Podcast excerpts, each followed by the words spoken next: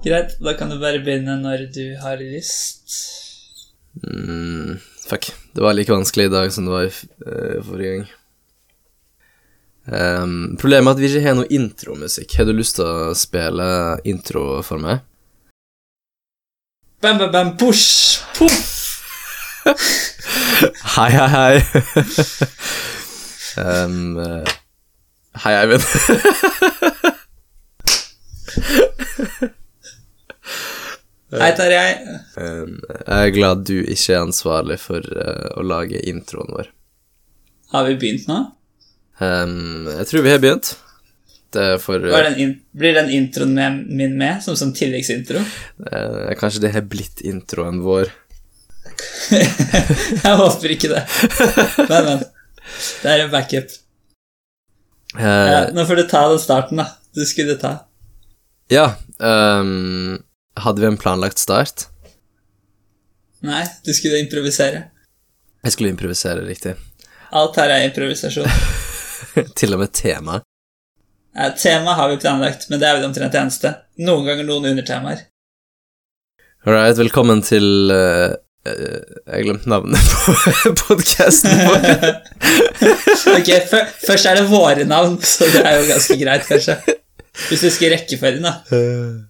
Ehm, jeg må huske rekkefølgen på navnet, her, men jeg må også huske rekkefølgen på um, På Er navnene våre først eller sist i podkast-navnet?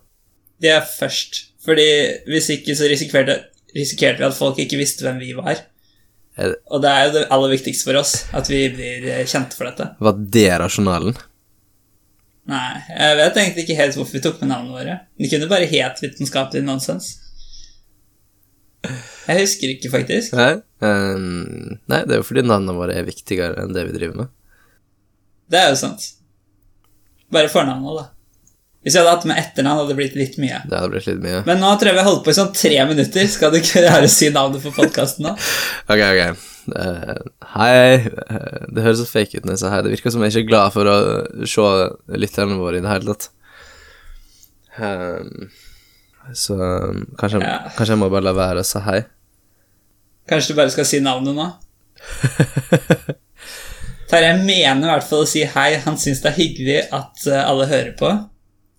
Ikke si hva jeg mener ikke mener. Det er hyggelig, syns jeg. Jeg leser deg som en åpen bok, Terje. Hei, hei. Hvorfor om jeg synes det er så vanskelig. um, hvordan ville du sagt hei? Jeg tror jeg vil droppe hei på dette tidspunktet, fordi du, dette kommer jo ikke til å bli en veldig sånn vellykka etter boka start uansett, så nå vil jeg bare prøve å få inn av det navnet og komme så videre til temaet, kanskje.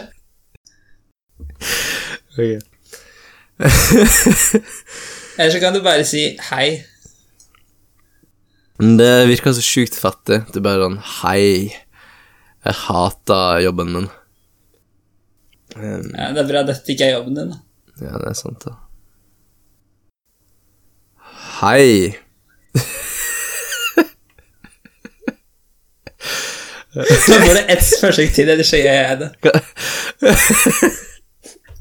Ja, det bare er moro for oss. Ok, ok. Um, jeg tror ikke det er spesielt gøy å høre på. Um, hallo, Uh, velkommen til Eivind og Tarjei, vitenskapelig nonsens. Vi eh, Takk, takk. Uh, åttende forsøk, var det? Ja, minst. Vi, hva, skal vi, hva skal vi snakke om i dag? Ja, Tarjei, hva skal vi snakke om i dag? Og det var, var det min jobb, det også? Følte det når du skulle ta introen. Men jeg kan prøve å ta over. Jeg har jo ikke Ja. så veldig mye Altså, det, det kan ikke gå så mye verre, føler jeg. I dag skal vi snakke om noe som heter nevroevolusjon, som er det jeg skriver masteroppgave om akkurat nå. Så da bør jeg jo kunne en del om det. Det betyr jo ikke at jeg gjør det, men sånn, jeg bør i hvert fall late som, da. Uh, Ja, Yes, Tarjei, hva for vet du, om dette? du er Ingenting. snart Du er snart halvveis i masteren nå, er det rimelig å si? Ja, i tid så er jeg det, for jeg begynte jo i august og skal være ferdig i juni en gang, tenker jeg. Men eh, til våren så er det jo kun dette jeg skal jobbe med, mens nå i høst har jeg hatt flere andre fag òg, så i arbeidsmengde er jeg ganske langt unna halvveis. Ok. Og hvordan føles det? Eh, Å være halvveis slash ikke halvveis, Og- eller å jobbe Å være langt ifra halvveis. Eh, Jeg ser egentlig litt frem til våren der jeg bare kan jobbe med det, og på en måte Ja. ikke at det er så Ja, mye forstyrrelser. Samtidig som jeg er redd det kan bli litt ensformig, da. Mm. Ja, men det, det jeg skjønner det veldig godt. Det er veldig deilig å kunne liksom, grave seg ned yeah. um, i én sånn spesifikk ting. Men så føler jeg også det er en oppgave der jeg kan uh, Altså, jeg kan gjøre veldig hvor mye jeg vil, da, på en måte. Kan, det er ikke Mm. noe fare for at jeg ikke blir ferdig, for jeg kunne nesten vært ferdig nå hvis jeg ikke hadde hatt mer tid, på en måte. Det er ikke sånn at det er masse jeg må få gjort, men det er masse jeg kan prøve ut. Mm. Det, det påvirker vel karakteren positivt. Eh, forhåpentligvis. Legge mer arbeid i det. Men det er jo ofte sånn Altså, det er jo ganske mange timer man jobber uten at det sikkert har noe å si, men så vet du ikke hvilke timer det er. Nei, ikke sant, så du må bare It's a numbers game. Ja. Maksimere sannsynligheten for at, eh, for at det blir bra. Ja, nei, så jeg tenkte først så kan vi jo, eller jeg da hovedsakelig, forklare hva nevroevolusjon er. Så får du Mm. stille meg kritiske spørsmål, Tarjei, i tilfelle jeg ikke forklarer det godt nok. ja. Eh, og så hadde jeg tenkt å nå si noe mer vi skulle i dag, men egentlig er vel det det eneste vi skal i dag, forklare hva dette er. Så ja, vi hadde ikke planlagt noe annet. Kanskje vi kan finne på noe på slutten. ja, da burde vi funnet ut det på forhånd. Men på den annen side, når vi ikke engang forbereder hva, hva navnet på podkasten heter Så det, det er ikke ment som kritikk, Terje. Det er ment som humor. På bekostning av deg, riktignok. Ja. Men det er, ikke, det, det er liksom ikke så veldig mange her akkurat nå som jeg kan lage humor på bekostning av. Altså, jeg kan gjøre det på bekostning av meg selv. Um, hva med humor som er på bekostning av ingen? Bare Ja, sånn ja, det går- ja, det går, ja. rein Det er kanskje det beste, da. Men da må det være, Altså, men da må det være litt du kan jo du, du, du kan jo humorere på andres bekostning som ikke er her også. Ja, det, det går jo. det kan jeg gjøre. Eller, eller på rytternes bekostning. Ja Liksom at, at de Altså, jeg føler når vi sitter og bruker en time på å spille inn en podkast, da er det på en måte litt fornuftig av oss òg, på en måte, samtidig som det er moro. Mm. Men hvis du bruker en time på å bare høre på en podkast, det er jo bare bortkasta. Nei da. Tenker du det for alle podcasts, eller spesifikt vår? Eh, mest vår. Litt av det. Ja, ok. Så hvis du ikke hører vår podcast på halvannen hastighet, så er du en tulling. Men hvis du f.eks. hører på podkasten mens du er ute og går, eller mens du trener, eller noe sånt, da er det jo litt mer fornuftig igjen, da.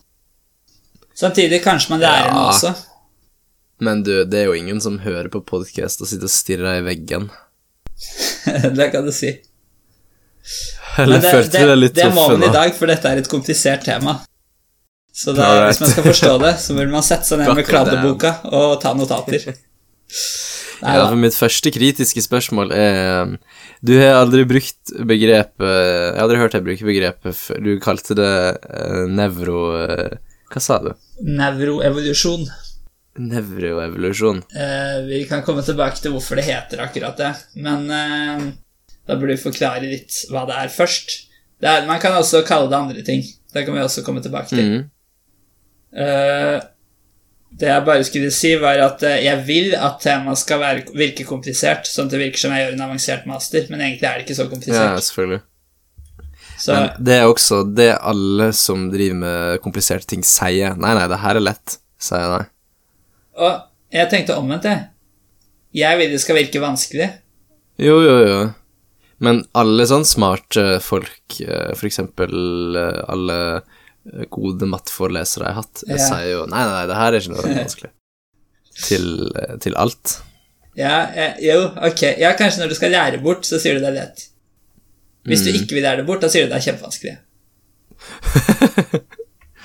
Så det her er egentlig veldig lett, det vil du si. Kan vi ikke bare si det er sånn middels, da? Det er middels. På en skala fra Det er et fra ganske gjennomsnittlig tema. På en skala fra lett til vanskelig er dette middels. er det greit?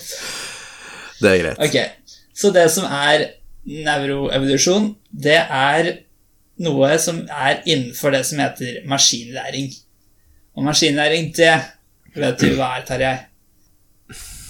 Det Jeg syns det er veldig vanskelig. Hva er det som er maskinlæring, og hva er det som er eh, For eksempel hvis du tenker på eh, lineær regresjon, for eksempel, da. Er det maskinlæring? Ja, det er det. Det er en veldig enkel type uh, maskinlæring, men uh, okay. lineær regresjon, som da altså er å finne en rett linje som best mulig passer eh, noe data man har tilgjengelig. Kan man vel kanskje si det sånn? For, for en eller annen definisjon av best, da. Ja.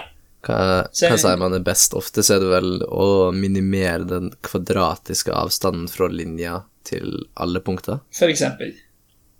Det kan hende det er den eneste brukbare definisjonen for lineær regresjon. Men generelt så kan du også bruke andre mål på hva som er best. Men, men generelt Så Ja, ja. ok. Da går jeg videre. Generelt så kan man si at maskinlæring er eh, å få et program til å lære fra data.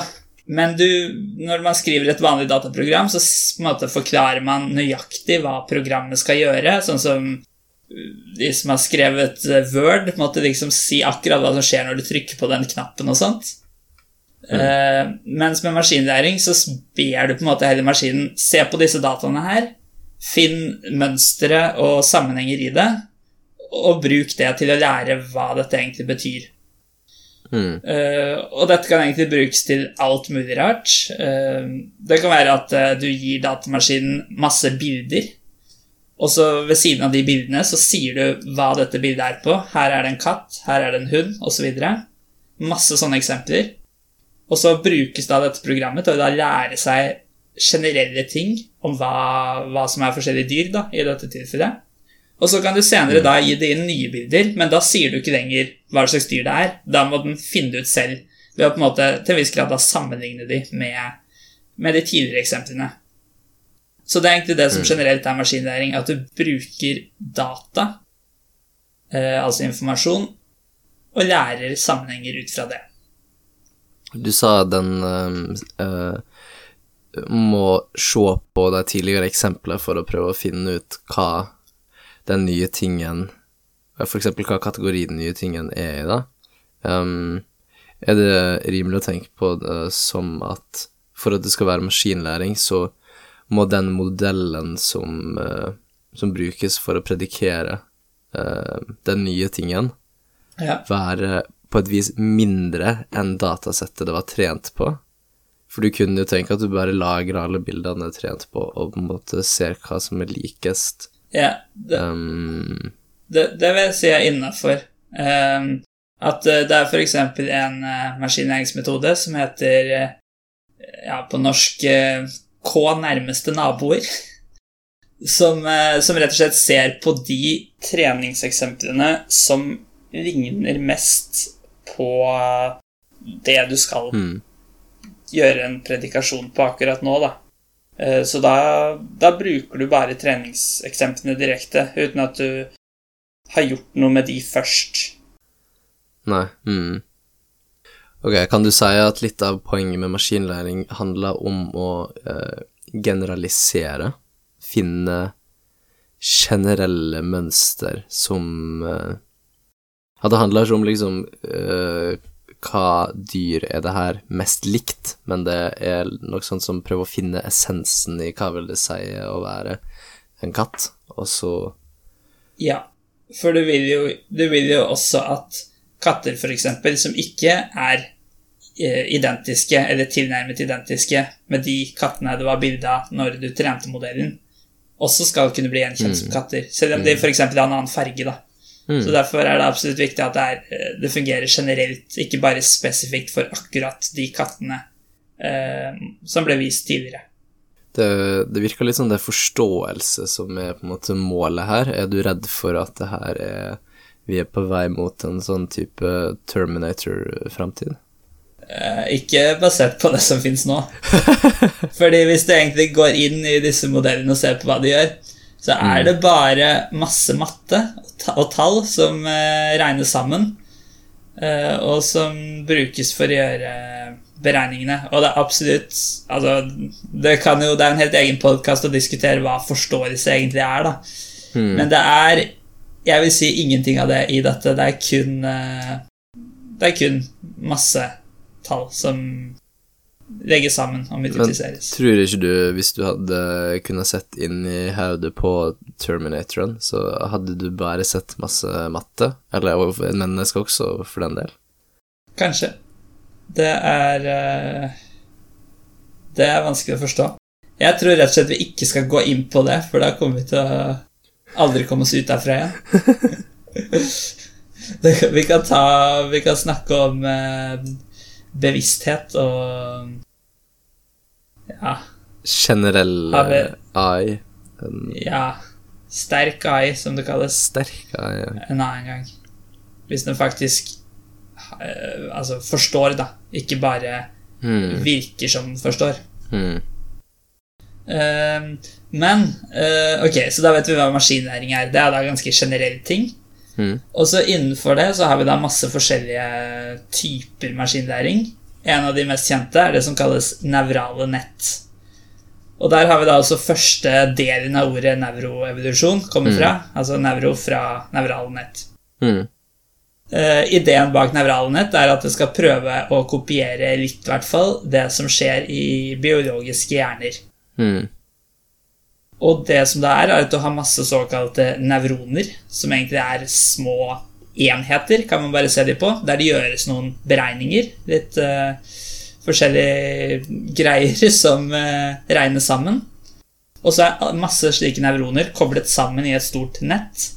Uh, på den måten at når et nevron har gjort en beregning, så sender det da den verdien det får ut, videre til andre nevroner det er koblet sammen med, som igjen gjør beregninger basert på det de får inn fra flere andre nevroner, og sender videre, osv., osv. Og ut fra da slike store sånne her nett, så kan man da faktisk få noe interessant data ut hvis man først da gir inn det som på en måte skal være input for modellen. F.eks. da et bilde. Hmm. Eh, Det som er kanskje hovedproblemet med slike nevrale nett, det er at det er liksom Det er ikke én måte du kan bygge opp et sånt nett på som er dette er den aller beste måten. Så det er masse slike parametere eller valg som må tas for hvordan akkurat det nevrale nettet du vil bruke i dag, skal se ut. Ok, så Hvor stort hvor, hvor mange sånne parametere finnes det? Jeg kan tenke at det finnes Du må bestemme en dybde på det, hvor mange lag det har. Um, Ja. Og du må bestemme bredden til hvert enkelt lag. Ja. Um, og du kan velge aktiveringsfunksjon, um, som vanligvis er den samme for hvert nevron. Uh, er ikke den det? Jo, men, men det du sier nå Du gjør en del antakelser. Eksempel sier du dette med lag, som betyr at du organiserer nevronene i lag, fremfor Mm. at de bare er kobla sammen i et vikkel av masse okay. tilfeldige nevroner. Det er jo ikke noe du må gjøre det heller. Mm. Jeg, jeg kan si at jeg gjør det også sånn på min masteroppgave, i hvert fall foreløpig. Men det betyr ikke at det må være sånn, så jeg vil si antall parametere er ikke et veldig sånn bestemt antall, men Mm. det du kanskje vanligvis setter da, når du gjør det, Mm. det er vel kanskje sånn eh, i underkant av ti, da, som direkte knytta opp mot nettet. Mm. Men, men du kan legge til flere, og du kan eh, Du kan gjøre det mer generelt, sånn at eh, noen av de parameterne ikke engang gir noe mening, fordi på en måte du trenger jo ikke å anta at det må være på den måten. Mm, når du sier at det kan være et virvar av en slags graf um, Ja. er, det sånn at, er det sånn at den må være asyklisk? Nei, det, kan, det går også an at de går i sirkel, sånn at eh, det et nevron sender ut, går via noen andre nevroner, men så kan på en måte det igjen komme tilbake til dette nevronet senere. Mm. Eller det kan for så vidt også gå rett tilbake til seg selv. Det, det kalles faktisk et uh, uh, recurrent neural net, heter det. Hvordan, hvordan funka det? Vil ikke du da få uh, liksom en slags evig loop der som på en måte aldri stabiliserer seg, eller den kan risikere å gå på en måte Aldri bli ferdig Skjønner du hva jeg mener? Ja, jeg, jeg, jeg har ikke jobba så mye med det, så jeg vet ikke. Men der også vil jeg på en måte si at det er sånn helt generelt Det kan hende det er en måte som man pleier å gjøre det på, men du kan vel ikke si noe generelt. Du kan for, si, at eh, kanskje ikke det som den regna ut nå, blir brukt for på en måte ved neste Hmm. Neste gang den skal beregne noe, da. Eller du kan se på om den på en måte konvergerer mot en verdi, kanskje. Kanskje det kan skje. Eh, men jeg vil ikke tro det er noen garanti for det heller, da. Nei. Eh, Men som sagt, jeg har egentlig ikke vært så mye borti sånne nett. Bortsett fra sånn Det er sånn i alle fag som har noe med maskinlæring eller AI å gjøre, yeah. så nevnes sånn eh, recurrent nett med sånn én setning sikkert i løpet av pensum. ja, ikke sant. Men jeg har aldri jobba med det. Ok, så hvor um, hva, hva type nett er det du bruker, da? Foreløpig bruker jeg veldig sånn standard nett, som da er litt sånn som du sa, at man organiserer alle nevronene i forskjellige lag, sånn at alle nevroner i ett lag er kobla til alle nevroner i laget før og etter, og får da input fra alle nevronene i laget før, sender videre til alle i laget etter, og ikke er kobla sammen med noen andre nevroner. Mm. Uh, og det kalles ofte da tette lag, fordi på en måte alt er kobla sammen da, i lagene Mm. før og etter. Eller tette nevralt nett, kanskje du bare kan si. Ok. Ehm, så det er, den, det er på en måte den mest standard måten å gjøre det på, og det er det eneste jeg har testa ut så langt i prosjektet, men det er andre ting du også kan gjøre, f.eks. Eh, noe som heter konvolusjonslag, som brukes mye i forbindelse med bildeklassifisering og sånt. Mm. Fordi det har visse egenskaper som kan være nyttig da, da. Og dybde, bredde, aktiveringsfunksjon. Hva, hva er det du bruker?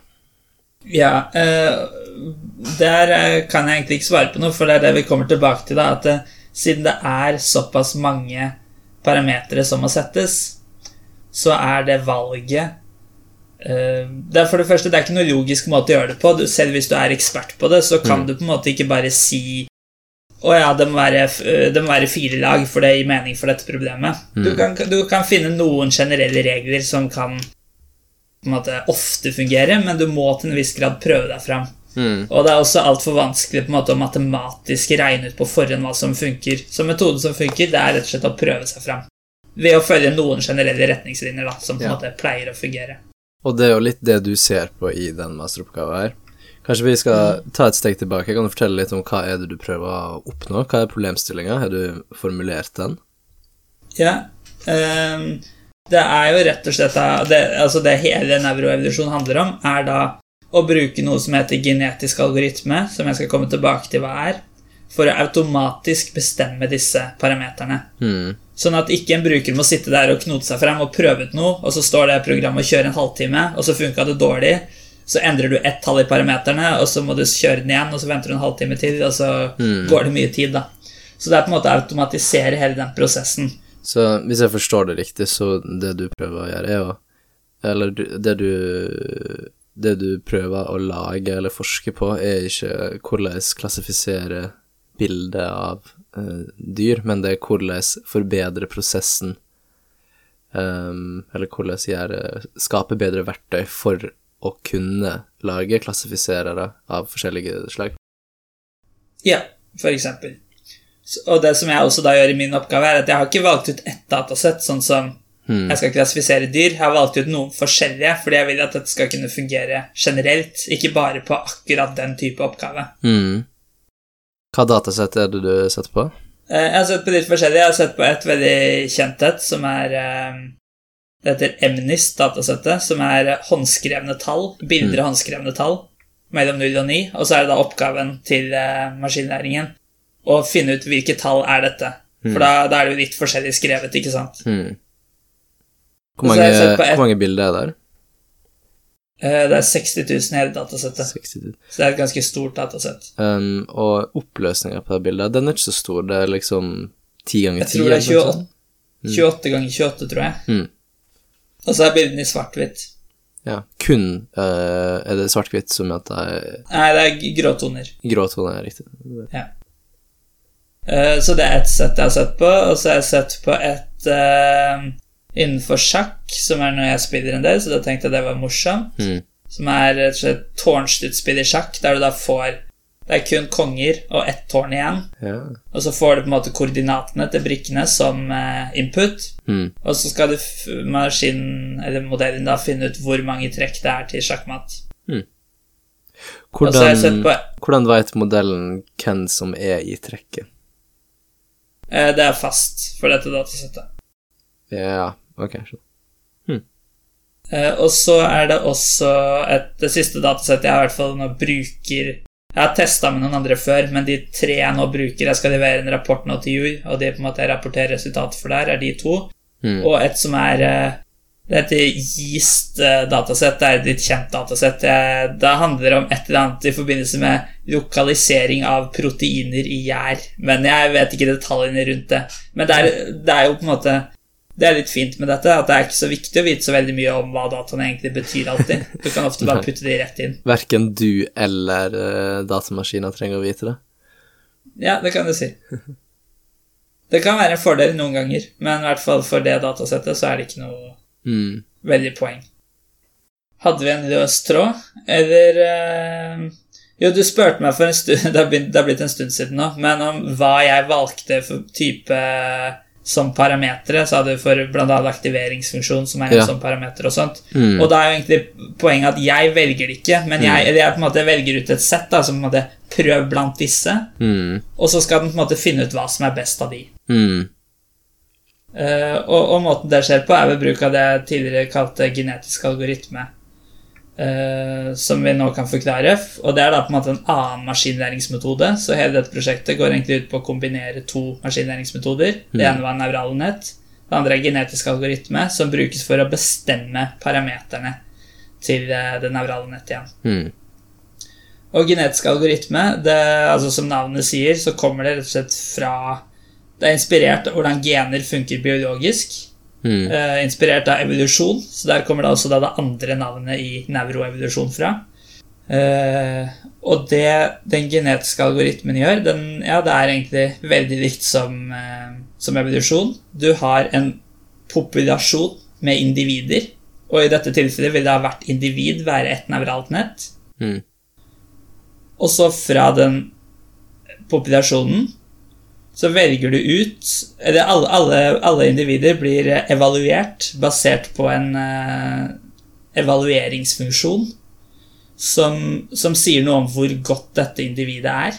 Mm. Eh, altså på en måte, Det kan sammenlignes da med hvor sannsynlig det er at dette individet overlever, da, som biologisk sett. Mens her kan f.eks. da eh, evalueringen være hvor bra gjør dette nevrale nettet? Hvor mange prosent av de håndskrevne tallene klarer den å klassifisere riktig? Mm.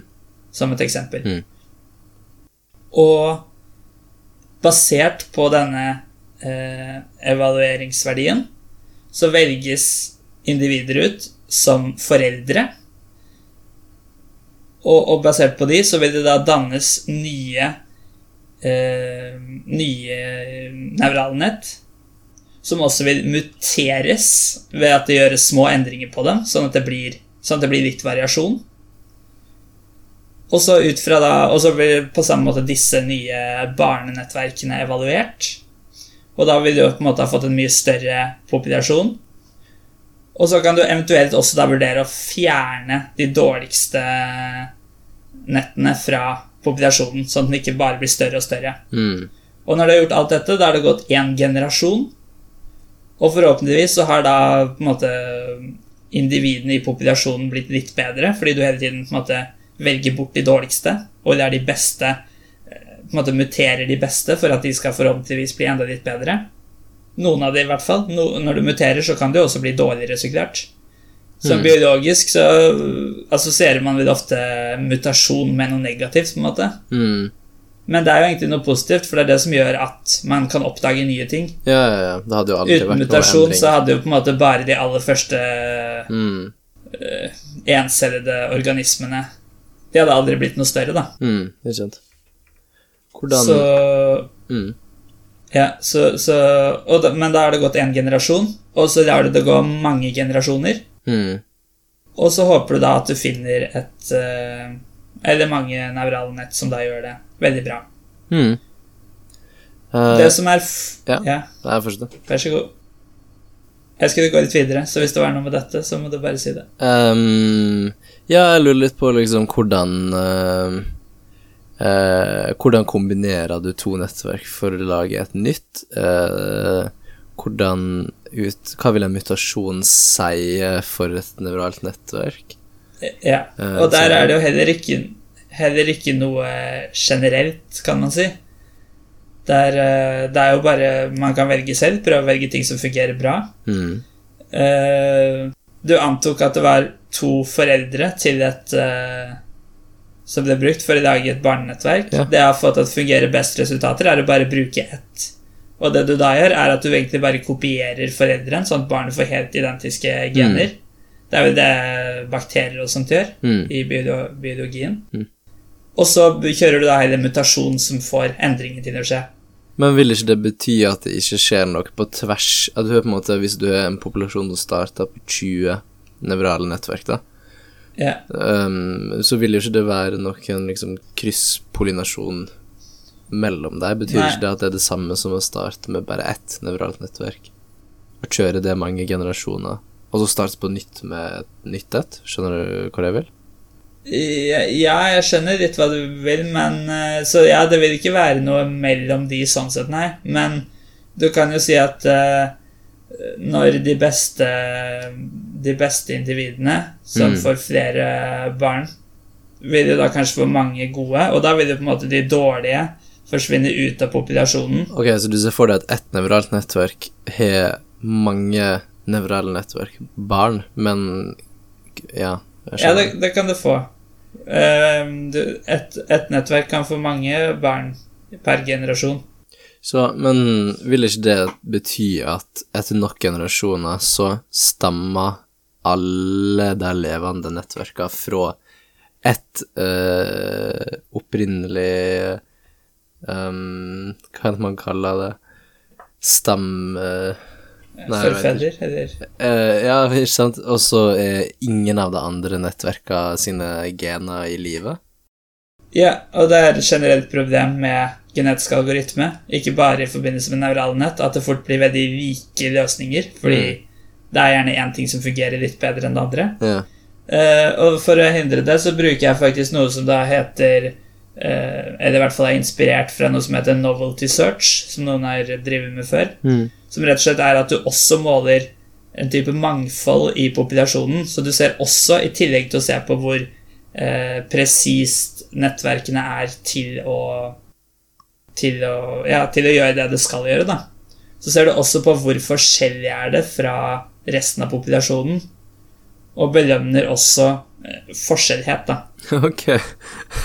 Og, og jeg har også gjort det sånn at i tidlige generasjoner så er dette det viktigste. Mm. At det er forskjellig, for da vil du utforske mye forskjellig. Og så jo nærmere du kommer på en måte at uh, algoritmen er ferdig å kjøre, jo mer og mer viktig blir presisjonen. For da vil, til slutt vil du på en måte finne en, gode løsninger. Riktig. Du, du belønner Det er litt sånn progressiv tankegang. Du belønner mangfold for mangfolds skyld. Ja, det kan du si. Men det kan jo sammenlignes litt med at man har masse forskjellige arter biologisk sett, og at de på mange måter kun At de ikke konkurrerer så mye med hverandre, da, Mm. ofte. Mm. At de ikke konkurrerer om den samme maten og sånt. Mm. Men her gjør jo det det, for du tar jo livet av det aller dårligste. Um, Ja, virker så det, det, sånn. men det å på en måte dele inn i arter er en annen ting som har blitt forsøkt tidligere innenfor dette, da, men som Ja. jeg ikke har prøvd foreløpig, i hvert fall. Mm. Så jeg det, det jeg har gjort til nå, det er at jeg har egentlig et system som fungerer, og som gir greie resultater. Mm. Så det resten av oppgaven kommer til å gå på, er rett og slett å bare prøve ut masse forskjellige, sånn som den ideen jeg sa nettopp akkurat nå, da, kanskje. Mm. Og dele inn i arter. Bare prøve ut masse forskjellig, se hva som fungerer bra, og hva som ikke fungerer bra. Mm. Det som er et problem med det her, er at det tar fryktelig mye dataressurser. Mm. Fordi hvis du på en måte gjør det på gamlemåten, at du bestemmer disse parameterne for hånd, da trener du gjerne bare ett nevralt nett av gangen. Og det å trene et nevralt nett er noe som kan ta ja, altså Det varierer veldig, da, men det kan ta litt tid. da. Mm. Helt ut fra oppgaven og hvor eh, viktig det er at resultatene blir bra. Mm. Kan ta fra noen minutter til uh, noen timer, eller enda mer, for den saks skyld. Mm. Mens når du skal bruke en genetisk algoritme, da skal du jo trene masse nettverk i hver generasjon. Altså alle de nye barnenettverkene må trenes. Ja. Eh, Jeg har kanskje ikke forklart hva trenes er, det kan jeg komme tilbake til straks. Mm. Og så etter det må de også evalueres for å da- da få denne evalueringsverdien. Evalueringen tar ikke så mye tid, men treningen tar mye tid. Ja. Uh, Og hvis du da f.eks. har 100 Du har bestemt at det skal dannes 100 nye barnenettverk i hver eneste generasjon, Mm. og det skal kjøres i 100 generasjoner, f.eks., ja, da blir det 10 000 nevralnett som må lages. Mm. Fremfor at du kanskje manuelt så lager du ett av gangen, og så kanskje du må prøve ti forsøk da, for, for eksempel, før du får noe du er fornøyd med. mm. Så er det ti. Så da er det plutselig 1000 ganger så mye datakraft som kreves. Ja, ja, ja. Uh, så dette er ikke noe som fungerer så veldig bra på en vanlig laptop, f.eks. Jeg har fått uh, tilgang til en veldig bra supercomputer Mm. uh, nå, fra skol skolen, Ja, mens kult. jeg eh, eh, gjør dette. Mm. Og da på en måte går det an å Da kan du si eksempel, da eh, Nå har jeg trent eh, et som var akkurat slik jeg sa, med 100 nye individer per generasjon Mm. og 100 generasjoner, så 10 000 nett. Det tok vel eh, tre dager eller noe sånt, da. Ok. Mens på laptopen min så Det ble egentlig vanskelig å estimere, men kanskje det kunne tatt 30 ganger så lang tid eller noe sånt. Mm. Så da hadde det jo tatt uh, ja, fire måneder eller noe sånt, da. Ja, ikke jeg regner riktig nå. Ja, ja, ja. Eh, så da Da rekker man ikke kjøre så mange kjøringer i løpet av det året som prosjektet går. Så det er på en måte en ulempe med dette, da. Mm. Men så kan man også si at uh, det blir jo bare mer og mer datakraft tilgjengelig. Så kanskje om ti år så kan du enkelt kjøre det her på en vanlig laptop, da. Mm. Så uh, det virker som ja. du trener nettverker for scratch. Alle nettverker fra scratch fra, for hver generasjon. Eller- ja, det gjør jeg ikke Altså kun de nye nettverkene, Eh, hvis ja. det er det du mener. Jo, okay. De trenes fra scratch, mens de som på en måte har overlevd fra tidligere generasjoner, Mm. de på en måte da bare husker eh, programmet på hva, hvor godt var dette nettverket, Ok, ja, så du bevarer og det. sammenligner det med de nye, da. Men de barna som er nye, de, for de har jo mutert litt, gjerne. Ja. Og da på en måte resetter du alle vektene og liksom de parametrene som du Ja. skal trene opp. Kanskje vi først bare skal forklare hva å trene et nevralt nett egentlig er. Mm. Det er jo egentlig sånn enkelt sett det jeg sa tidligere, da, at du ser på masse tidligere eksempler, og basert på det så finner du mønstre. Men det det i praksis er, er at du bare du, Hvert nevron i nettverket har masse vekter som inputen multipliseres med, og som da send, brukes da for å regne ut verdien som sendes videre til neste nevron, der det blir multiplisert med nye vekter og sånn. Mm. Og i utgangspunktet så settes gjerne disse vektene kun til tilfeldige verdier, Mm. men da sies det seg selv at da blir jo også det du får ut, bare helt tilfeldig. Men så tar du da denne outputen, som er tilfeldig, sammenlignet med hva den skulle vært, i og med at du har fasit for disse første eksemplene, og så bruker du det til å justere vektene. Mm. Og så, og så gjør du det én gang, og da kalles det et treningssteg. Og så gjør du det på nytt og på nytt og på nytt, og så sakte, men sikkert så blir da vektene justert litt og litt bedre. Mm.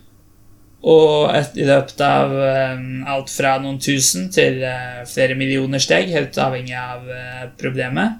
Mm. Jeg hadde gjerne brukt 50 000 steg på de oppgavene jeg har gjort til nå. Mm. Uh, så får du da gode løsninger. Men dette tar jo tid. Det er dette som er hoved, eh, hovedtids... for uh, Så, eh, så det er ikke sånn at du sånn stopper når du når et slags lokalt minimum, eller du, du har koda den antall steg til å være Du, ja, du kan gjøre det, og at den mer ser på hvor god er jeg nå, og så stopper Mm. jeg når den ikke klarer å bli noe bedre, f.eks. mm. Men eh, foreløpig har jeg bare brukt et bestemt antall steg. Og Og du kan si at dette antallet kunne også egentlig bli lært på samme måte som eh, mm. uh, strukturen til nettverket blir lært. Men problemet det er at da kan du tenke seg at den bare ville funnet ut at jo flere steg, jo bedre. Så da må du i så fall på en måte straffe at den bruker lang tid igjen. Da, Ja. da blir det litt eh, komplisert. Ja, det er noe jeg har prøvd ut litt, men jeg har slått det i hvert fall midlertidig fra meg. Mm. Okay, ja, det var litt om det også er noe jeg tester mer på. Ja, fordi det finnes eh, forskjellige, la oss kalle det stegalgoritmer. Um, Ja. for man ser jo for seg at man beveger seg i et slags uh, landskap av um, forskjellig varierende grad av uh, kvalitet på nettverket, som er uh, Er det det som er eh, fitnessfunksjonen i I den genetiske algoritma, eller kanskje er det noe annet? Um, uh, Error-funksjonen til det nevrale nettverket, tenker jeg på. ja. Egentlig det jeg vil fram til, er at um, det finnes forskjellige måter å traversere det landskapet på. Det er jo sånn um, Du kan bruke sånn uh, Noen snakker om at du har momentum, og at du liksom kan komme deg ut av lokale øhm, Lokale minimum uh, på den måten. Øhm, skjønner du hva jeg mener? At det er forskjellige måter å Ja. utføre den gradient descent-delen på. ja. Um, er det en av parametrene du bruker i uh, det genetiske, i den genetiske algoritmen? Eh, Ja, til en viss grad. Um, det er eh, Foreløpig så er det seks forskjellige slike parametere som jeg Jeg på en måte har med i genene til hvert individ, Mm. og som utvikles. Og det er da strukturen på nettverket, altså hvor mange lag og hvor mange nevroner eh, det er i hvert lag. Ja. Og så er det aktiveringsfunksjon, Mm. som er en slags funksjon som eh, verdiene i hvert nev nevron blir eh, eh, tatt inn som argument i og regnet ut basert på til slutt, før det sendes videre ut av nevronet. Og så er det hvordan disse initielle vektene, som jeg snakket om tidligere, skal eh, initialiseres. Mm. Så det er da på en måte du setter et område, og så trekker du tilfeldige verdier innenfor det området. Sånn jeg har gjort det foreløpig, da.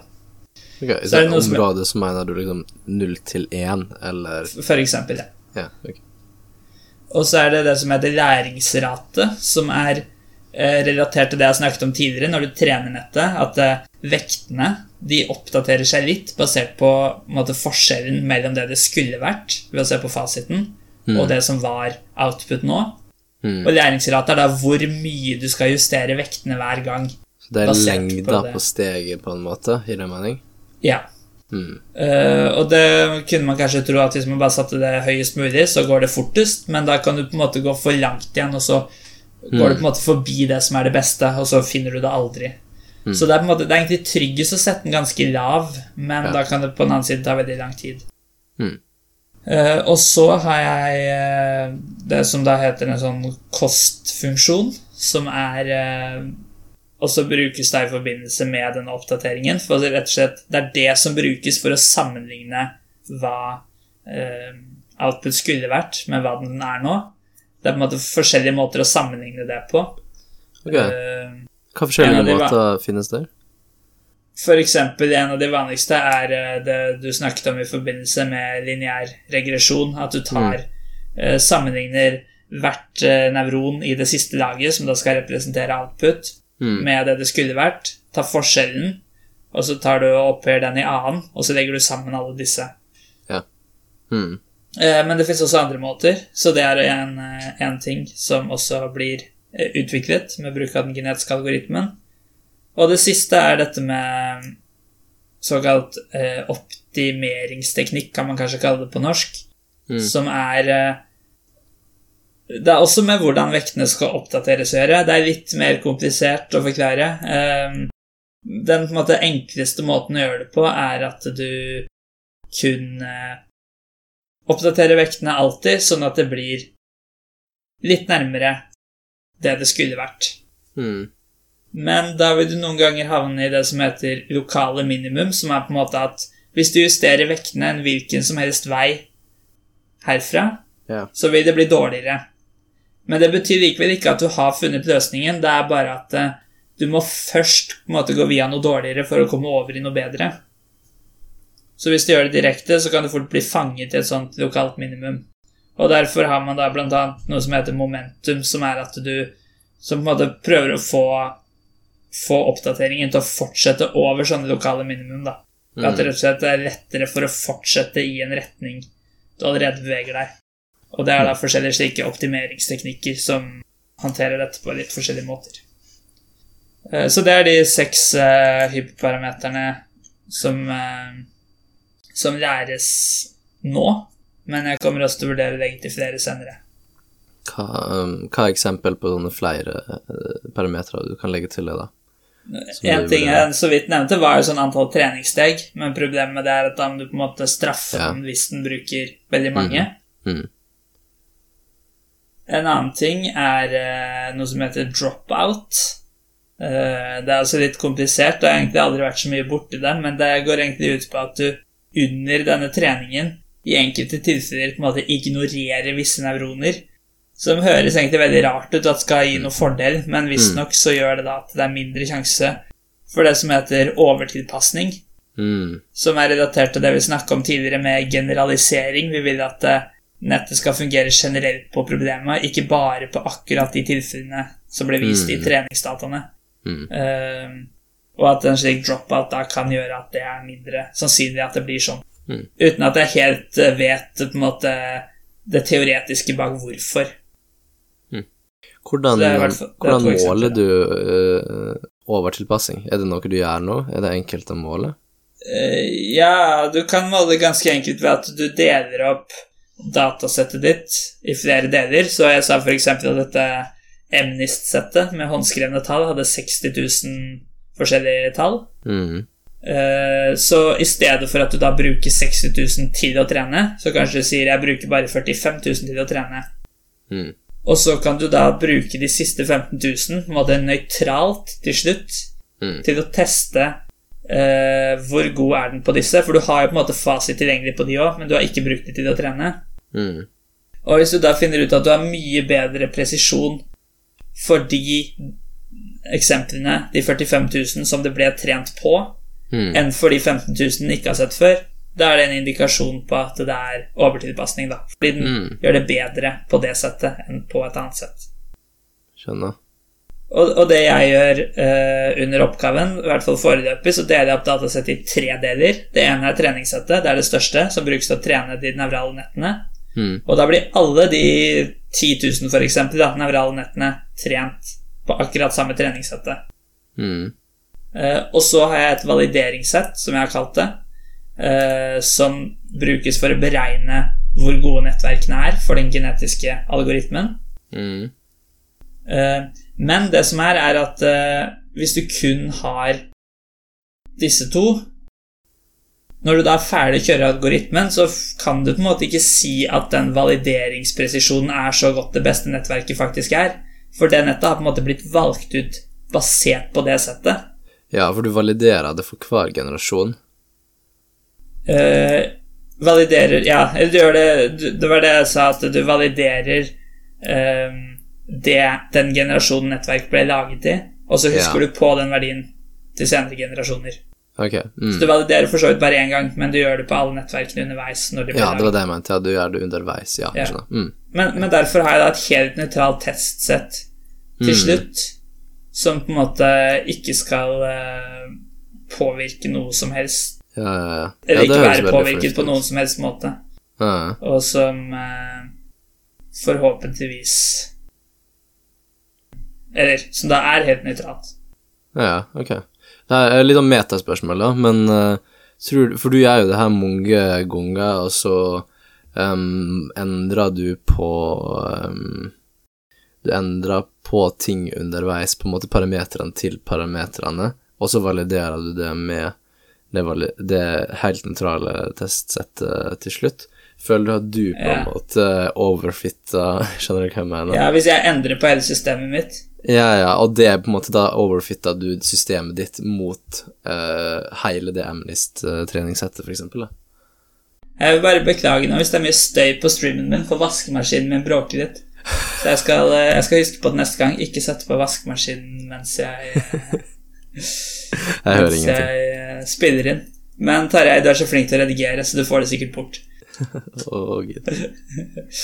uh, ja, men det er sant det at uh, det, det kanskje det hvis jeg uh, Hvis jeg bruker de samme settene hver gang, og så finner jeg ut at det funket ikke så bra, og så endrer jeg på det, og så fungerer det bra. Eh, men da kanskje det fungerte bra fordi det var akkurat det settet.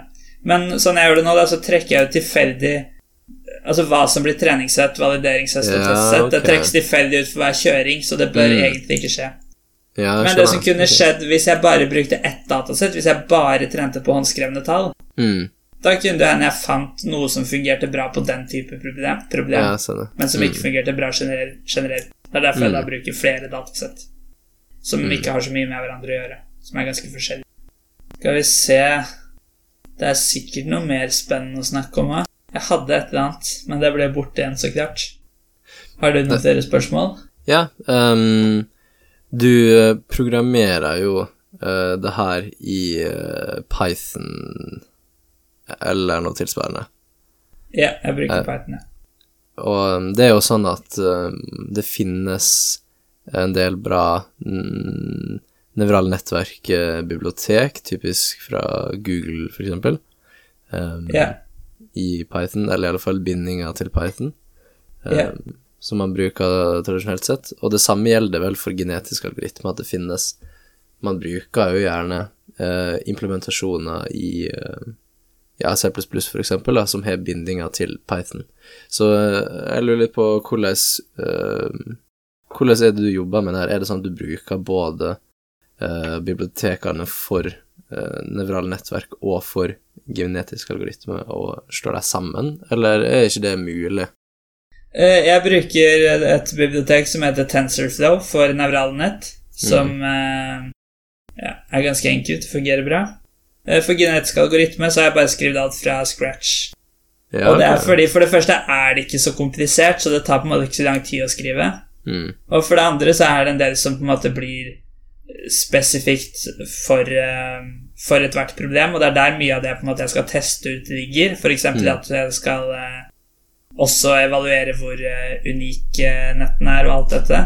Det kan sikkert hende det finnes biblioteker som kunne vært veldig fleksible på den måten, men i og med at det også er ganske lett å lage, så har jeg bare skrevet eh, den biten fra bunnen av. Mm. Og jeg tror heller ikke det finnes sånn kjempemye biblioteker for det. For genetisk algoritme. Det er ikke, helt, jeg er ikke helt sikker på det, men eh, jeg lurer litt på det. Og det er nok rett og slett fordi det ikke er så vanskelig å skrive selv. Ja, ok. Så du tenker at det er ikke noe rom her for å publisere det du har gjort som et uh, open source-bibliotek eller den type ting? Det jeg har gjort Ja. For, Mm. for, eh, ja, for generell nevroevolusjon. liksom, Nei, for eller, genetisk algoritme, tenkte jeg. Ja. Men uh, ja. eh, Da måtte jeg i hvert fall skrive det om, for nå har jeg nok skrevet det ganske spesialisert for det jeg skal bruke det til. Mm. Det fins jo sikkert noe òg, da. Men det er, det er i hvert fall ikke like Hva skal man si kjent eller ettertraktet som nevrale nett Uh, Nei, ikke sant. Fordi uh, det er mer hype Det, rundt ja, er to, Den ene grunnen er nok at nevrale nett brukes mer, rett og slett. Og den andre er Mm. nok at uh, nevrale nett er litt klønete å skrive fra scratch. Ja, ja, jeg, hadde, jeg jeg, jeg skrev et fra scratch som en eh, innlevering i fjor. Mm. Mm. Uh, og det gikk helt fint. Det var ikke noe ekstremt mye jobb, på en måte. Men da blir det også på en måte helt sånn basic nevralt nett. Ja. Så på en måte det og da, sånn som jeg snakka om dropout, da, hvis jeg skulle implementert det i det, så måtte jeg ha gått inn og endra mye på det. Mens i Mm. TensorFlow er det på en måte innebygd funksjonalitet som enkelt kan legge til det. Mm. Og også det jeg sa med sånne litt mer sånn avanserte teknikker for å unngå disse lokale minimumene, med sånn momentum og sånn. Det var heller ikke noe jeg hadde på en måte lagt inn noe funksjonalitet for når jeg bare skrev et sånn enkelt et. ja, ja. Hva språk var det du skrev det? Det var i Python. Ja, ok, du, du All maskinregning skjer i Python.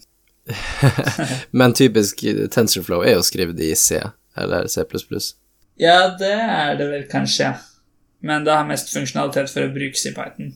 Ja det er absolutt. Det er sånn man bruker det. men det. da har det nok med litt sånn performance og sånt å gjøre, tenker jeg. Ja, ja, ja, det er vel det som er grunnen.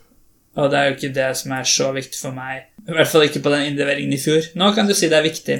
Mm. Men det som er litt interessant nå, er at det tar jo så veldig mye tid å trene de nevrale nettene. Ja. Så hvis det tar litt ekstra tid å f.eks. finne eller velge ut foreldre til eh, neste generasjon, eller Mm. mutasjon og sånn, det har på en måte ingenting å si, fordi det, det blir liksom Selv hvis jeg kaster bort masse ressurser på det, så kanskje programmet bruker en tusendels lengre tid på å kjøre, da. Ja, ja, ja. Og det er på en måte litt sånn deilig òg, for da er det ikke sånn at jeg må tenke så mye på at det skal være veldig effektivt, og jeg kan tillate meg å legge på noen teknikker som på en måte egentlig virker litt tungvinte, eller tar litt mye tid, men Ja. som likevel ikke har så mye å si for Nei, for det er ingenting i forhold til å trene nettverket. Det tror jeg på, fordi logikken i, i nevrale nettverk Nei, i genetisk algoritme er jo Det er jo øh, rett fram, på en måte. Der er ikke noen enn i andre øh, på en måte deler av algoritmer. Stemmer ikke det? Nei. Det er en enn i annen bit i forbindelse med det å sammenligne mangfoldet i, Ja. i populasjonen, for da tar jeg egentlig å sammenligne hvert par med individer. Ja, skjønner, skjønner. Men det er Men det er fortsatt likevel- 100, 100 individ, så er jo det på en måte Ja, så da blir det 100 i annen, så det blir 10 000 sammenligninger. Ja. Egentlig blir det færre òg, for du trenger bare å sammenligne halvparten. Ja. eh, halvparten, for du må på en måte Ja, du må ikke sammenligne hvert nett to ganger, Nei, som er det du egentlig får ved en i annen. Mm. Så ja, litt under 5000. Eh, bare på det, da. Men det blir eh, ingenting i forhold til Nei, nei, Kanskje, det kanskje tar et minutt ekstra Ja. Altså maks et minutt ekstra per generasjon. Jeg tror ikke det tar så mye. Nei, det, jeg tror ikke det tar det. Men, men hvis det tar et minutt ekstra per generasjon eh, Fordi nå er det ikke bare dette som tar tid. Tenker, nå tenker jeg på alt dette som skal gjøres med å sammenligne For du må Ja. også evaluere nettene og litt sånt, ikke sant? mm, mm. Så da får du jo da 100 minutter ekstra da, på 100 generasjoner, som blir 1 time og 40 minutter ekstra. Og hvis programmet bruker tre døgn på å kjøre, så er det uansett ikke så mye å si. Nei. nei. Selv om det da faktisk blir noen prosent, da.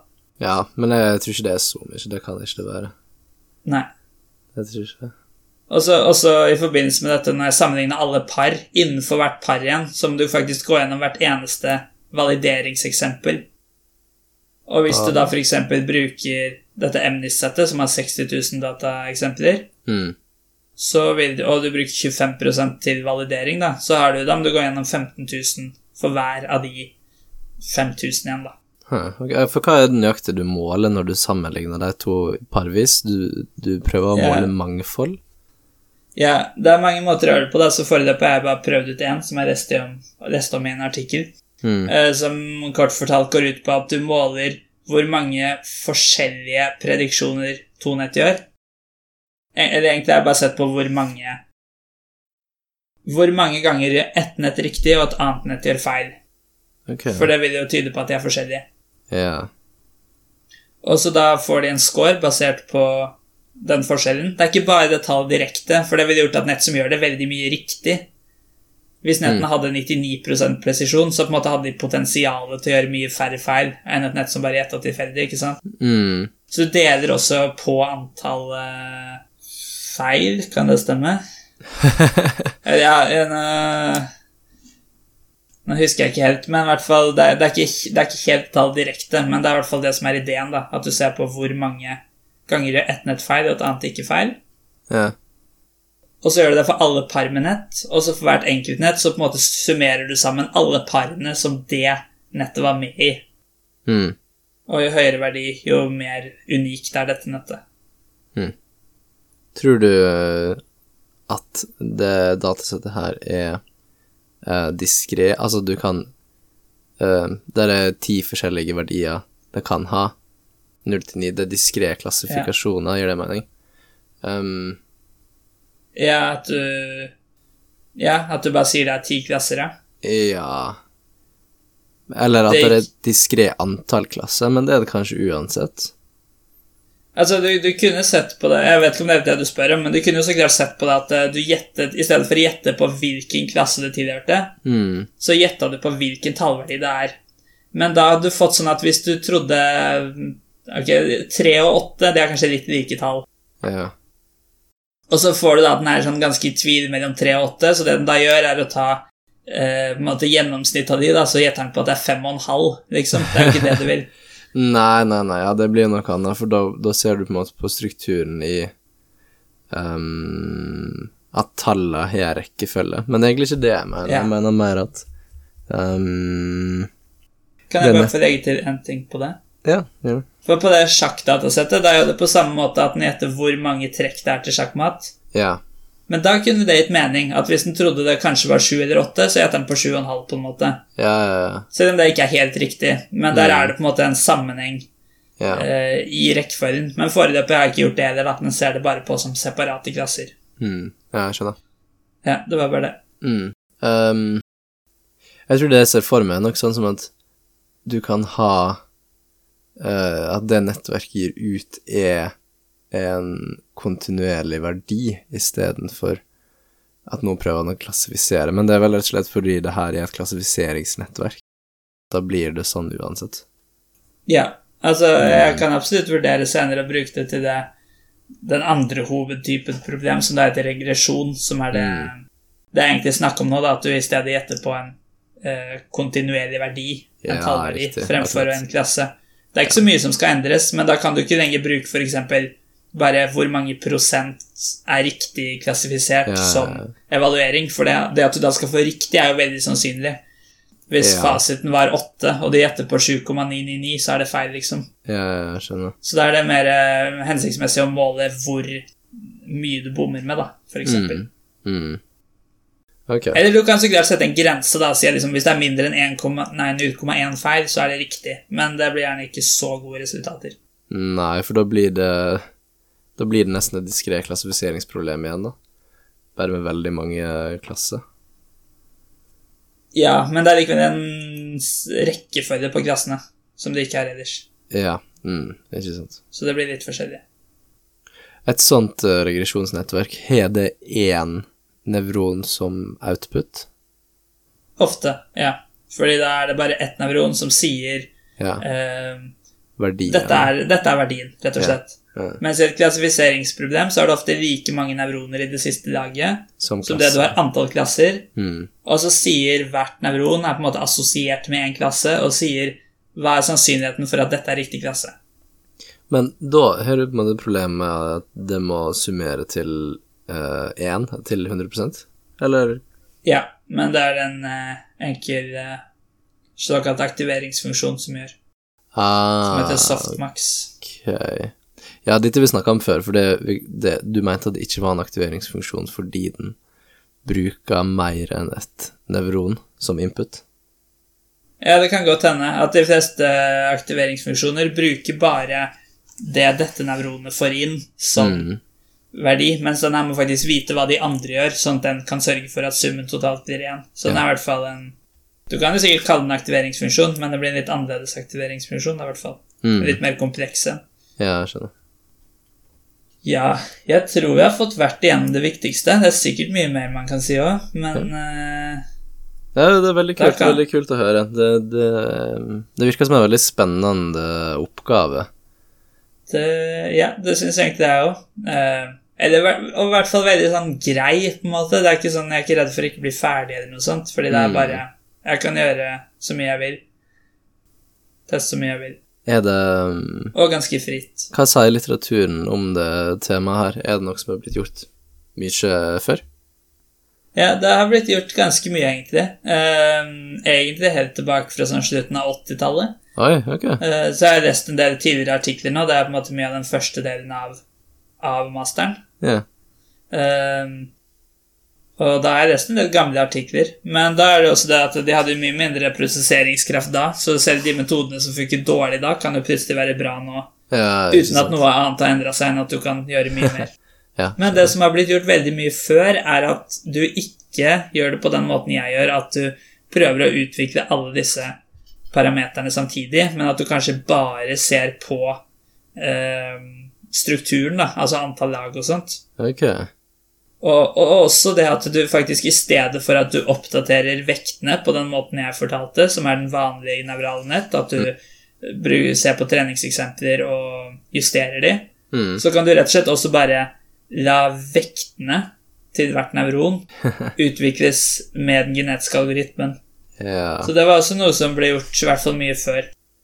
Ok, så i stedet for gradient descent, så bruker Ja. du genetisk algoritme for å finne vektene?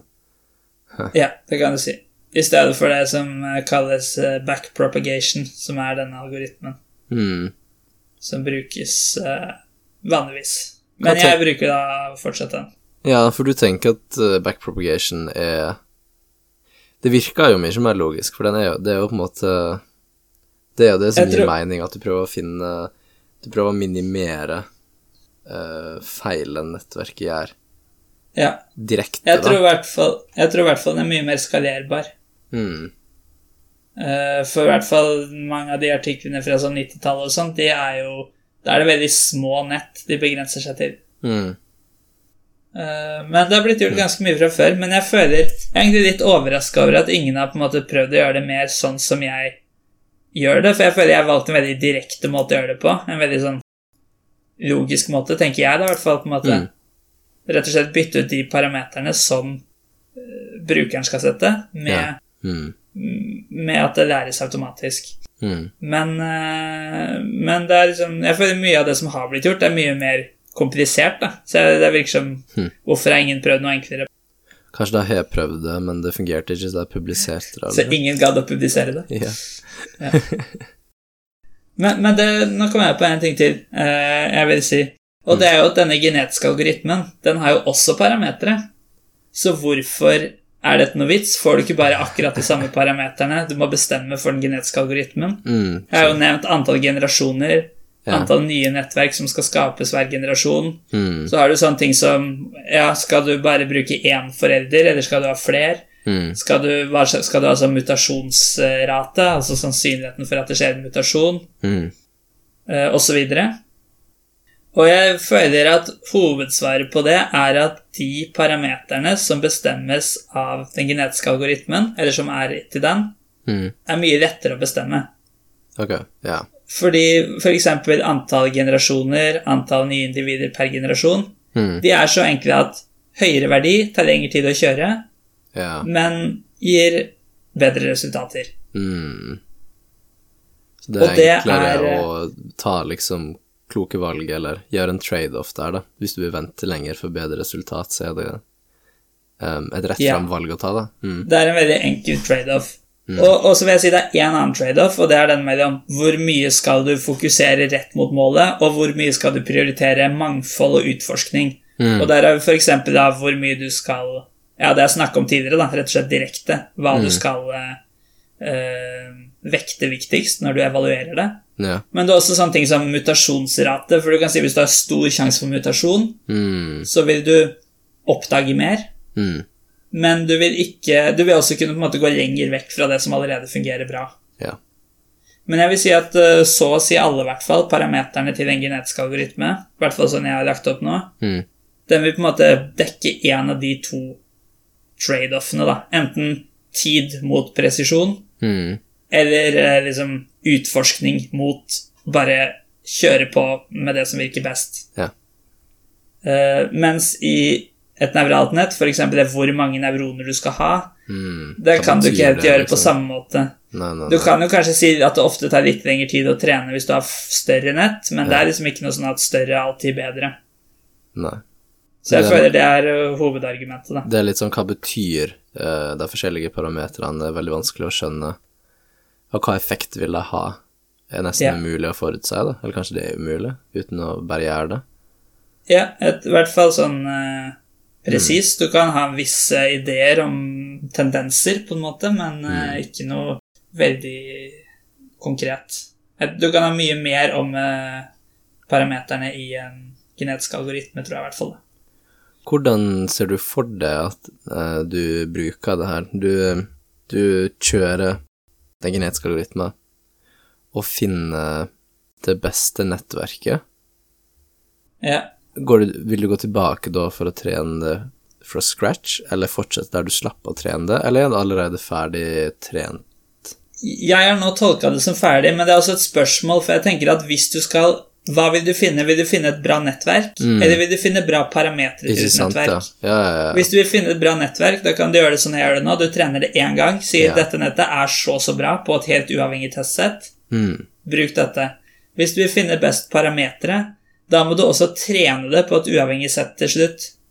For å se at det faktisk eh, og, og teste det på et uavhengig sett, da. Men da må du på en måte trene det på nytt, så det ikke bare var tilfeldig. Men hvis du vil finne det beste nettet, så kan du bare si at eh, det er ikke sikkert disse parameterne egentlig er så bra, men nå var vi heldige med hvordan vektene ble initialisert og sånn, Mm. og dette nettverket funker bra, selv om kanskje ikke parameterne er bra.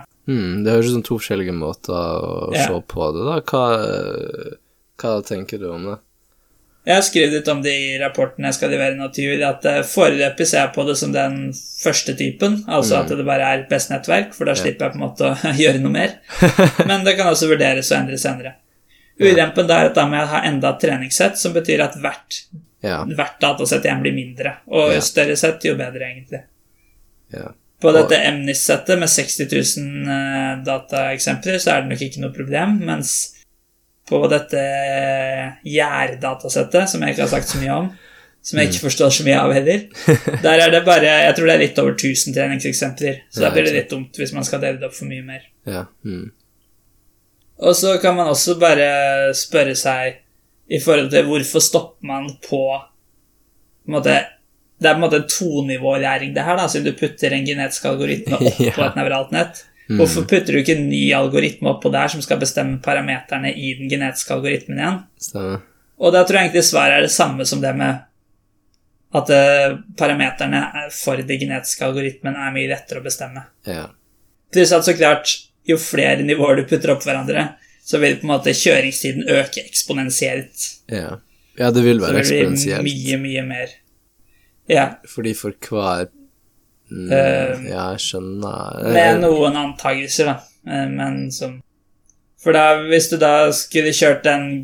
Altså, hvis du skal kjøre den toppalgoritmen Ok, hvis, som vi hadde det, da, så kjørte vi bunnalgoritmen, nevralene, 10 000 ganger Mm, for at den algoritmen over, genetiske, skulle du kjøre én gang, ikke sant? ja. Hvis, hvis du da igjen skal kjøre toppalgoritmen, som nå er på tredje nivå, én gang, ved å la den genetiske algoritmen kjøre 10 000 ganger, Ja. som du da det nevrale nettet kjører 10 000 ganger 10 000 ganger. Ja. Mm. Hva blir det, Tarjei? Det Det blir 100 millioner, og det er altfor mange. Okay, ja. Men om 20 år så kanskje vi kan det, for da er det sterkere Eh, datamaskiner igjen. Ja, Veldig gøy. jeg håper det har vært forståelig, til en viss grad i hvert fall. Ja. Hvis ikke, så kanskje man kan lese masteroppgaven min, men den er jo ikke ute før om over et halvt år, da. Over et halvt år. Over et halvt. Hva med, eh, hva med nevro-nevro-nettverk? Eh, nett som bestemmer Ja, parameterne for nevrale nett. Da får du fortsatt problemet med at det nye nevrale nettet oppå der har det like vanskelige parametere, da. Ok, jeg skjønner. Men du, men du kan sikkert si at eh, Men kanskje det ikke er så viktig hva de parameterne er, så lenge du på en måte gjør det litt bedre. Um, ja, eller hva om Google eller noen med mange computerressurser trener et sånt nettverk en gang for alle og distribuerer det? Uh, jeg forsto ikke Hva skulle du ha på toppen nå? Nei, for du sier jo at de parametrene er vanskelig å bestemme, men jeg mener hva om de parametrene blir funnet en gang for alle? Generelt for nett? Ja. Og da kan Men jeg tror problemet problemet er litt at det er veldig avhengig av hva slags problem du har. Ja, jeg tror det? Jeg Vil ikke alle klassifiseringsnettverk um, kunne bli trent opp av det av det beste nevrale nettverket? På nivå to snakker du om nå? Eller-. Ja. Ja, det kan være, men i hvert fall ett nevralt nett, bare et vanlig nevralt nett, vil jo være veldig forskjellig fra problem til problem. Ja. Mm, Mens det nevrale nettet på nivå 2, som skal fungere generelt, ja. kunne kanskje det vært mulig. Men om det blir bedre enn med genetisk algoritme, det, Mm, det vet jeg ikke.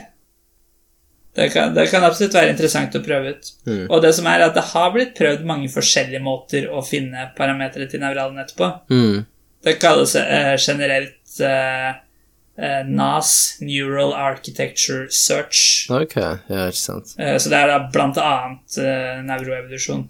Men eh, Mm. du kan også bruke andre maskinlæringsmetoder, da. Det kan jo være er veien mot uh, Terminator sterke AI i framtida. Nevrale nettverk som trener nevrale nettverk som trener nevrale nettverk, Ja. og så videre. Og så, ja, jeg sa tidlig at uh, man må ikke kalle det nevroevolusjon, men man kan også f.eks. bare kalle det evolusjon av nevrale nett, f.eks. Mm, Men det er en del som bruker det begrepet, da. Ja. Det er jo ikke noe veldig Selv om det fins en del artikler, så er det ikke noe veldig stort felt. nei, nei, nei. Ja. Mm, Nei, jeg hadde ikke det, hørt det, om er, det det er mye av de samme navnene som går igjen da når jeg leser artikler og sånt. Ja, ja, ja, det er samme si. fire folka. Altså Det er nok en del, men i hvert fall en del av de kjente tingene er de samme, da. Mm. Uh, og så hva dette skal brukes til i praksis, er også litt sånn vanskelig foreløpig, for nå trenger jeg en kjempekraftig datamaskin som mange Ja. ikke har tilgjengelig. Mm. Men uh, da tror jeg man kommer litt tilbake til det med at uh, det kanskje ikke er så mange år til en vanlig person kan ha en ganske kraftig datamaskin. Ja, tror du det er på horisonten at uh, vanlige datamaskiner når opp til den supercomputeren, for eksempel? da? Nå kan du ha noe som er litt svakere enn den jeg bruker nå, og fortsatt gjøre det innen rimelig tid. da. Det kommer Mm. veldig an på problemet og sånn. Mm, det er jo, du kan jo kanskje la enkelte slike algoritmer stå og kjøre et år, hvis du bare trenger å gjøre det én gang, Mm. måte, og bare får et endelig resultat som da kan brukes i en bedrift, f.eks., Ja. der du skal bruke det til et eller annet. Men uh, jeg føler litt det ville vært naivt å si at vi ikke kunne fått så sterke computere, ja, det virker jo som hvis man bare ser på utviklingen så langt. Ja, men det er jo litt sånn det med Moores lov, at det er stagnert og ehm, Altså, får ikke- Målstad er vel at det ikke har stagnert, da, men eller, Jo, men Morse lov har stagnert. ja. At vi Ja. får ikke raskere prosessorer, vi får bare flere kjerner heller. Um, Målstad er at antall eh, transistorer Hvordan er det antall transistorer i en prosessor dobles hver 18. måned, eller noe sånt? Ja Eller øh, klokkehastigheten dobles hver 18. måned, eller et eller annet sånt. Ja. Så, men jeg tror det har stagnert de siste ti åra, det har ikke vært sånn. ja, ok, men det har jo ikke stagnert helt, i hvert fall. Det blir jo bedre. Ja, jeg vet ikke, gjør det det? Blir det så mye bedre? Tror du ikke, tror du ikke datamaskinen har blitt noe bedre de siste ti årene? Eh, kanskje litt, men det er fordi vi har fått flere kjerner og mer Ja, ram, jo ikke minst. men, jo, ok, det kan du si, men så lenge man finner en eller annen måte å gjøre det bedre på Ja, ok. Ja. Mm. Eh, For det kan jo også hende bare at man eh, Eller jeg vet ikke, men at uh, kanskje man ikke klarer å finne noe som er bedre, men kanskje man likevel kan gjøre det billigere å produsere de Mm. komponentene man har i dag. Og Ja, da kan jo bare lage masse av de. Mm. Og du trenger kanskje ikke å ha det hjemme engang. Du kan bruke sånne skytjenester for å kjøre dette på. Mm. Men så lenge de blir billige å bruke, da. Jeg tenkte litt på hvorfor bruker ikke du skytjeneste? Er det Er det ikke sammenlignbart uh, med den eh, du har tilgjengelig? Fra noe sånn, eh, sånn Asher eller et eller annet sånt, liksom. Ja. Um, fordi For det første, da må jeg betale. Det her får jeg jo gratis gjennom Mm. skolen. Eh, og så er det Jeg vet ikke om det er raskere. Eller du kan jo sikkert bare betale veldig mye, da, men jeg tror det hadde blitt veldig dyrt. Mm. Er det, nok, jeg- er, det en supercomputer de vedlikeholder på skolen der? Når, eh, den må jo ha blitt bygd ganske nylig hvis den skal være på en måte Ja, det er litt som du Ja, sier. jeg, jeg vet ikke så mye detaljer om den, men jeg tror de har um, flere forskjellige sånne veldig kraftige maskiner. Okay. Jeg hadde et fag i fjor som het uh, sånn supercomputing, og da var det da hadde jeg tilgang på en annen sånn maskin. Jeg vet ikke hvem som er kraftigst ah, okay. mm. sånn relativt, men uh, Ja, den jeg har nå, er i hvert fall uh, fungerer bra. Mm. Det er, uh, det er ikke så mange, tror jeg, som har tilgang på den, men det er jo noen som gjør master- og doktoroppgaver, da. Mm. Så fornøyd med den. Den funker. Mm. Bedre enn en uh, min stasjonære, eller uh, laptop, i hvert fall. Men du kan si helt i begynnelsen, før jeg hadde tilgang på den, så gjorde jeg bare noen enkle kjøringer på laptopen, og det funker jo, det òg, men da tok jeg mye enklere problemer og Mm. mye færre generasjoner og sånn. Det var mer for å teste på en måte selve programmet, da. Ja, ja. At, uh, at det funka, ikke for å få gode resultater. Men at det ikke krasja, liksom. Nei, nei, sånn, ja. Teste at det ikke krasja. Det høres ut som ja. Python. Det må gjøres, det òg. Jeg vet ikke, det spørs Det jo. da, krasja nok noen ganger. Hvis du skriver i et statisk type av språk, eksempel. Jeg bruker Python. All maskinlæring skjer i Python. Stemmer. Nei, skal vi ta kvelden? Ja, vi har hadde klok ingen klokka eh, er bare to, så jeg tror kanskje jeg skal prøve å få gjort noe mer i dag.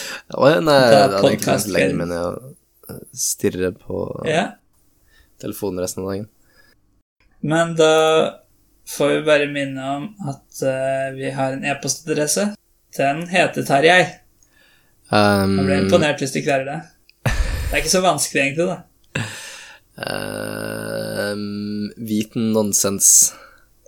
Ja, det var Twitter. Søren. Viten nonsens på Twitter. Jeg er imponert over mitt eget forsøk. E-posten heter vitenskapelig nonsens at gmail.com. Der har vi ikke med navnene våre. Nei. Nei. Nei. Det hadde blitt en veldig lang e-postadresse. Er det noe maksgrense på, på e-postadresse? Sånn generelt, liksom. Ja. I den eh, standarden, da. I RFC? Eh, Hva heter den? S SMTP, eller noe sånt? Nei, det er vel mer protokollen for å sende mail, men jeg tror det er en egen RFC Ja. som bestemmer formatet på adressen. Som for øvrig kan inneholde kommentarer. Kommentarer som i HTML-kommentarer. Mm, eh, nei, jeg husker ikke nøyaktig syntaksen man bruker. Jeg lurer på om det er parenteser eller noe sånt. Men da er den frivillig å ha med, eller? Ja. Ja. Og du kan legge inn en annen kommentar, som også blir ignorert. Og hva mener du nå? En annen Så, kommentar? så du kan Ja, så kan jeg legge inn en kommentar i e-postadressen din når jeg sender en e-post til deg, Ja, jeg tror det. som er fritt valg, så jeg kan skrive hele mailen i mottakerfeltet, egentlig. Men om den eh, blir sendt til meg, er jo et annet spørsmål. da. Ja, det, er, det forventer jeg litt, da. Hvis ikke vil jeg ikke si Jeg kan jo så klart skrive det hvis det ikke blir sendt til deg. Ja, men det må jo fortsatt måtte tolkes av din klient som den samme e-postadressa. Ok, ja, Nei, jeg veit ikke hva ja, ja okay, sånn. poenget det, Om det står at den er fra deg, hos meg, eller om jeg har sendt den til deg. Ja. er. Mm. Men hvis ikke kan jeg lage min egen klient, da, som gjør det. Det, det kan du selvfølgelig, da, men da vil ikke den ha fulgt RFC-en. Det kan du si. Det kan du si. Nei, good job. Takk for i dag, og takk for at du hørte på. Takk for i dag.